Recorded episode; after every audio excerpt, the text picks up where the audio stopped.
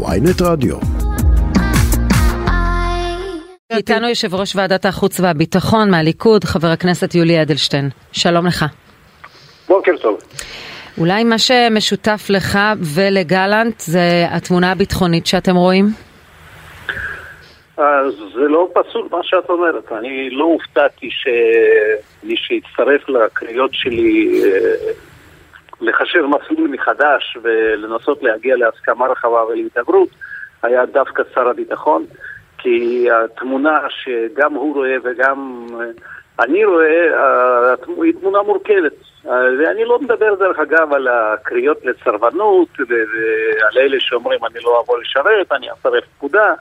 עם אלה אני גם לא נפגש וגם פחות מתרשם מהם. אבל מה שמאוד מדאיג אותי ואני בטוח גם אותו זה שגם צה"ל ביחידות הכי רגישות, הכי רגישות, הופך לזירת התגוששות, ואנשים במקום לשרת ביחד כמו שעשו במשך עשרות שנים לפעמים במערך המילואים, מתקוטטים, קבוצות הוואטסאפ הפכו לדיון פוליטי בלתי פוסק, mm-hmm. אנשים מפסיקים לדבר אחד עם השני, וזה מצב מאוד מאוד לא בריא, ודרך אגב הוא תקף לא רק לגבי צה"ל, גם לצערי לגבי ארגוני ביטחון נוספים.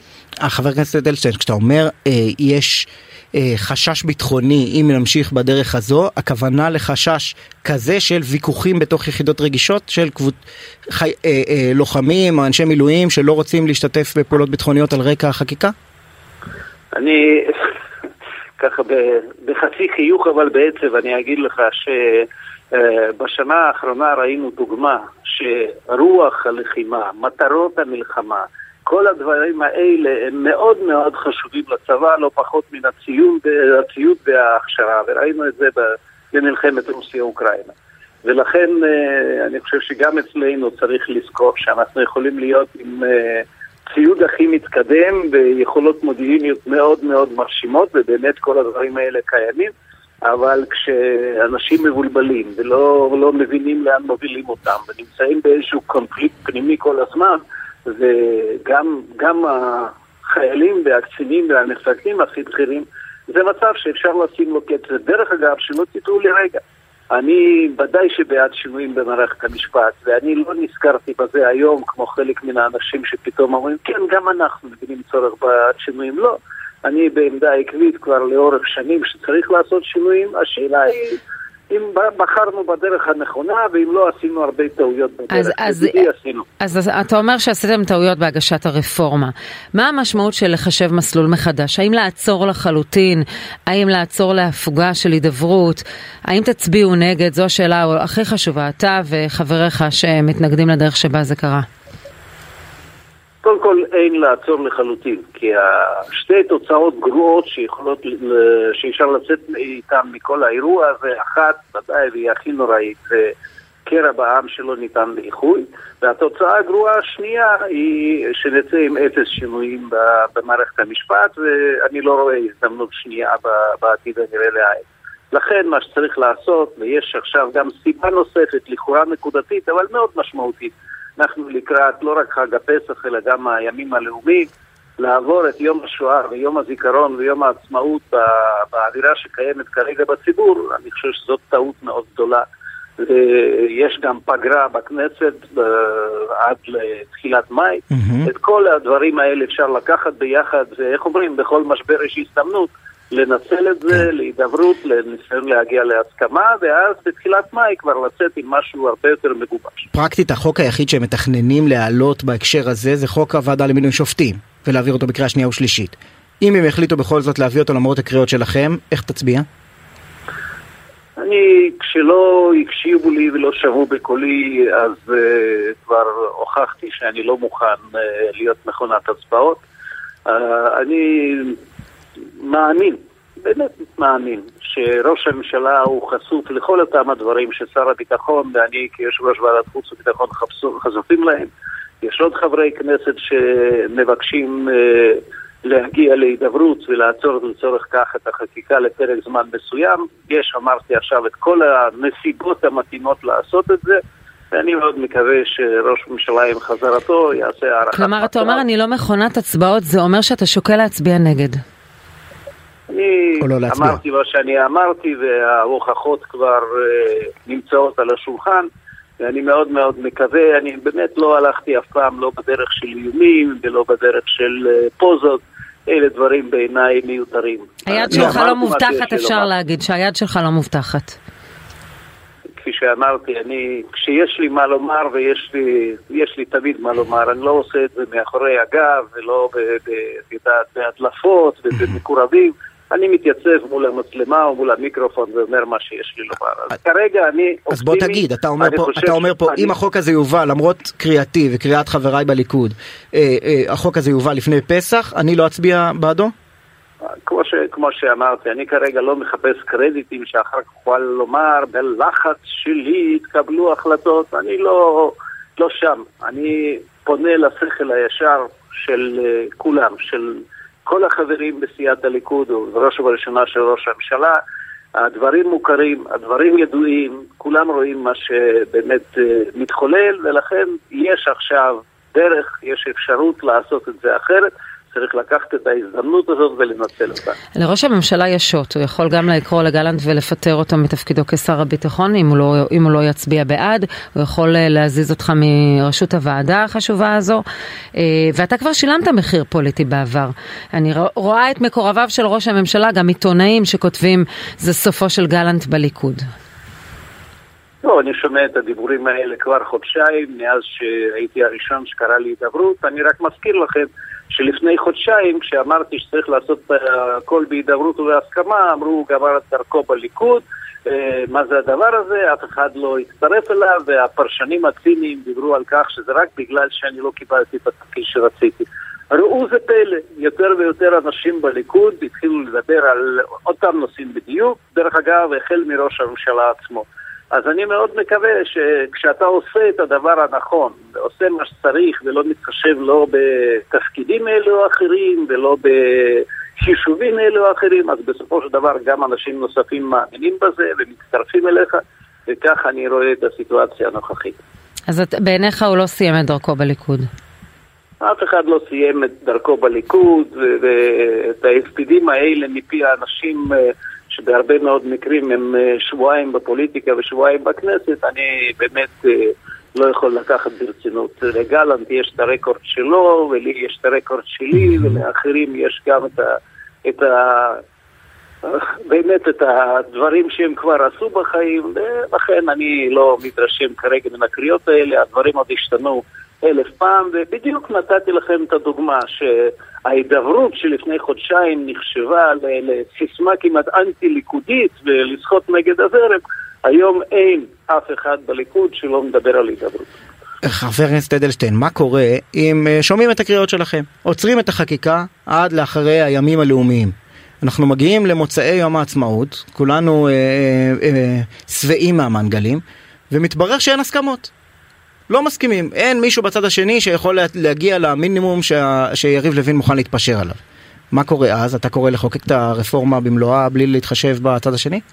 אני אומר חד משמעית, אם אני אשתכנע שנתנו סיכוי אמיתי להידברות, עצרנו את החקיקה, אה, חיפשנו פרטנר, באנו עם הצעות סבירות, לא עם אפס שינויים, לא עם אה, לבטל את הרפורמה או לגבור את הרפורמה, באנו עם הצעות סבירות.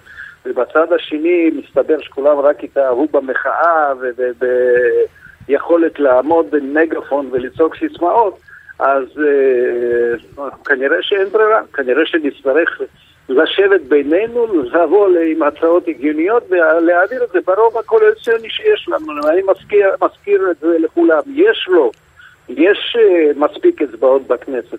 כל מה שאני רוצה זה להגיע למצב שהרפורמות האלה יעברו בהסכמה רחבה, ואני מעריך, אני מעריך ש-75-80 חברי כנסת, במידה ובאמת כולם לרגע כמוני יעזבו את החישובים הפוליטיים ויחשבו על טובת המדינה, אני בטוח שאפשר להגיע גם רגע, למספרים האלה. זה, זה מעניין כי אה, האזהרות שלכם הבוקר, שלך ושל גלנט, יישארו בתוקף גם אז. זאת אומרת, אה, אה, אם לא תגיעו להסכמות, אז גם, ב, גם באמצע מאי יהיה לכם בעיות עם צה"ל ועם אה, קבוצה שלא מוכנה, אה, אה, אומרת במפורשות, לא תהיה תקיפה באיראן אם החקיקה הזאת תעבור.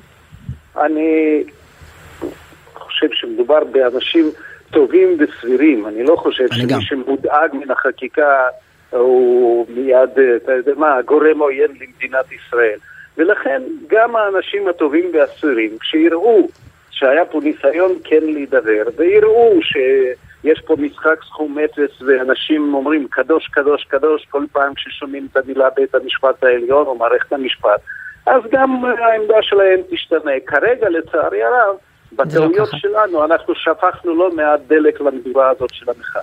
דיברת עם uh, ברקת, עם דיכטר, עם uh, ביטן, עם דני דנון, חבריך לתפיסה? אני מדבר עם כולם, כאלה שמסכימים איתי וכאלה שלא מסכימים איתי. מדוע נניח לא ברקת מעט... לדעתך לא מדבר?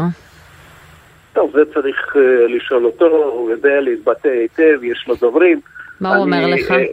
אני, אם אני מדבר עם מישהו בארבע עיניים, אני לא, זה לא כדי לרוץ ולספר לחבר'ה.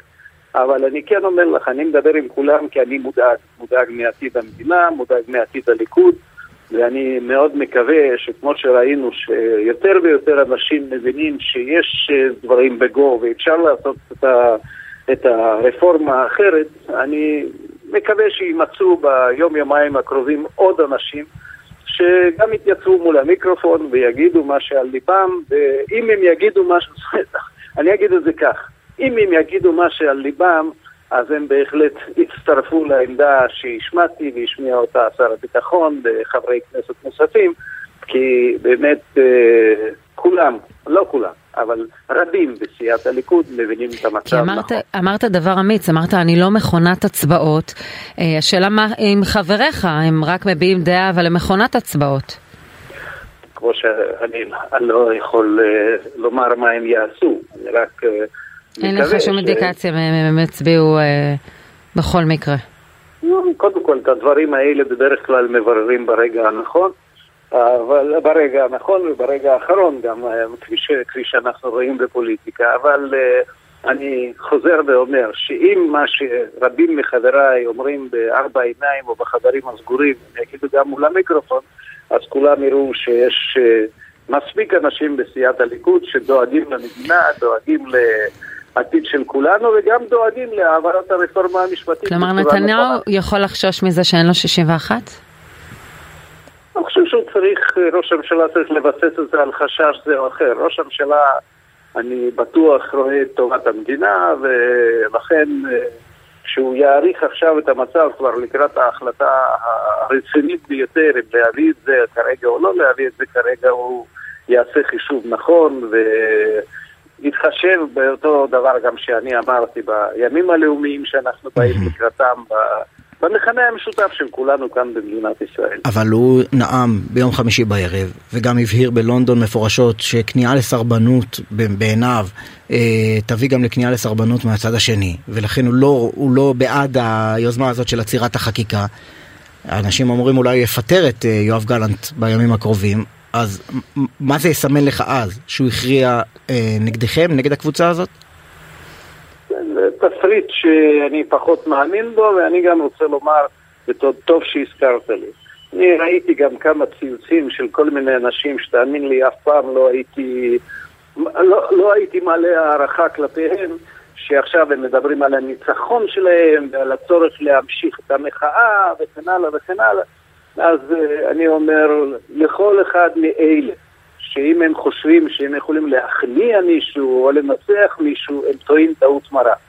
אני עושה מה שטוב למדינה, אני למיטב הבנתי מנתח את המצב ובאמת אז קובע את עמדתי. במש... במישור האידיאולוגי שבא... נטו, במישור האידיאולוגי נטו, אתה תומך בכל אחד מסעיפי הרפורמה?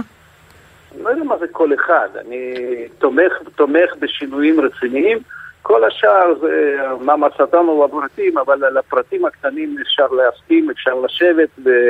ולדבר, והנה עובדה. היה חוק מסוים לגבי נגיד בהרכב ועדת שופטים, שרק לפני חודש מי שחשב על שינוי כלשהו נחשב ל...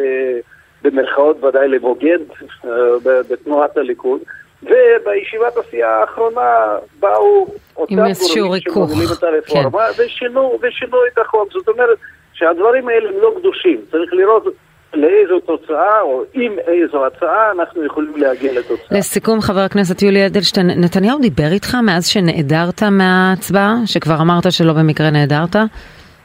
אנחנו מדברים כן לא פעם עם נתניהו, יש גם ענייני ועדת חוץ וביטחון, זה לא... הוא דיבר איתך על זה? הוא אמר לך משהו? לא, אנחנו לא דיברנו על הנושא הספציפי הזה של ההיעדרות, סליחה, אבל תרשי לי להניח שגם, כמו שאמרתי, על סמך השיחות האלה, שגם בנימין נתניהו, ראש הממשלה, מבין את המצב, מבין את הסיטואציה, ובסופו של דבר יקבל את ההחלטות הנכונות. חבר הכנסת יולי אדלשטיין, יושב ראש ועדת חוץ וביטחון, הליכוד, תודה רבה על השיחה. תודה גם לכם, יום נעים. יום נעים מאוד.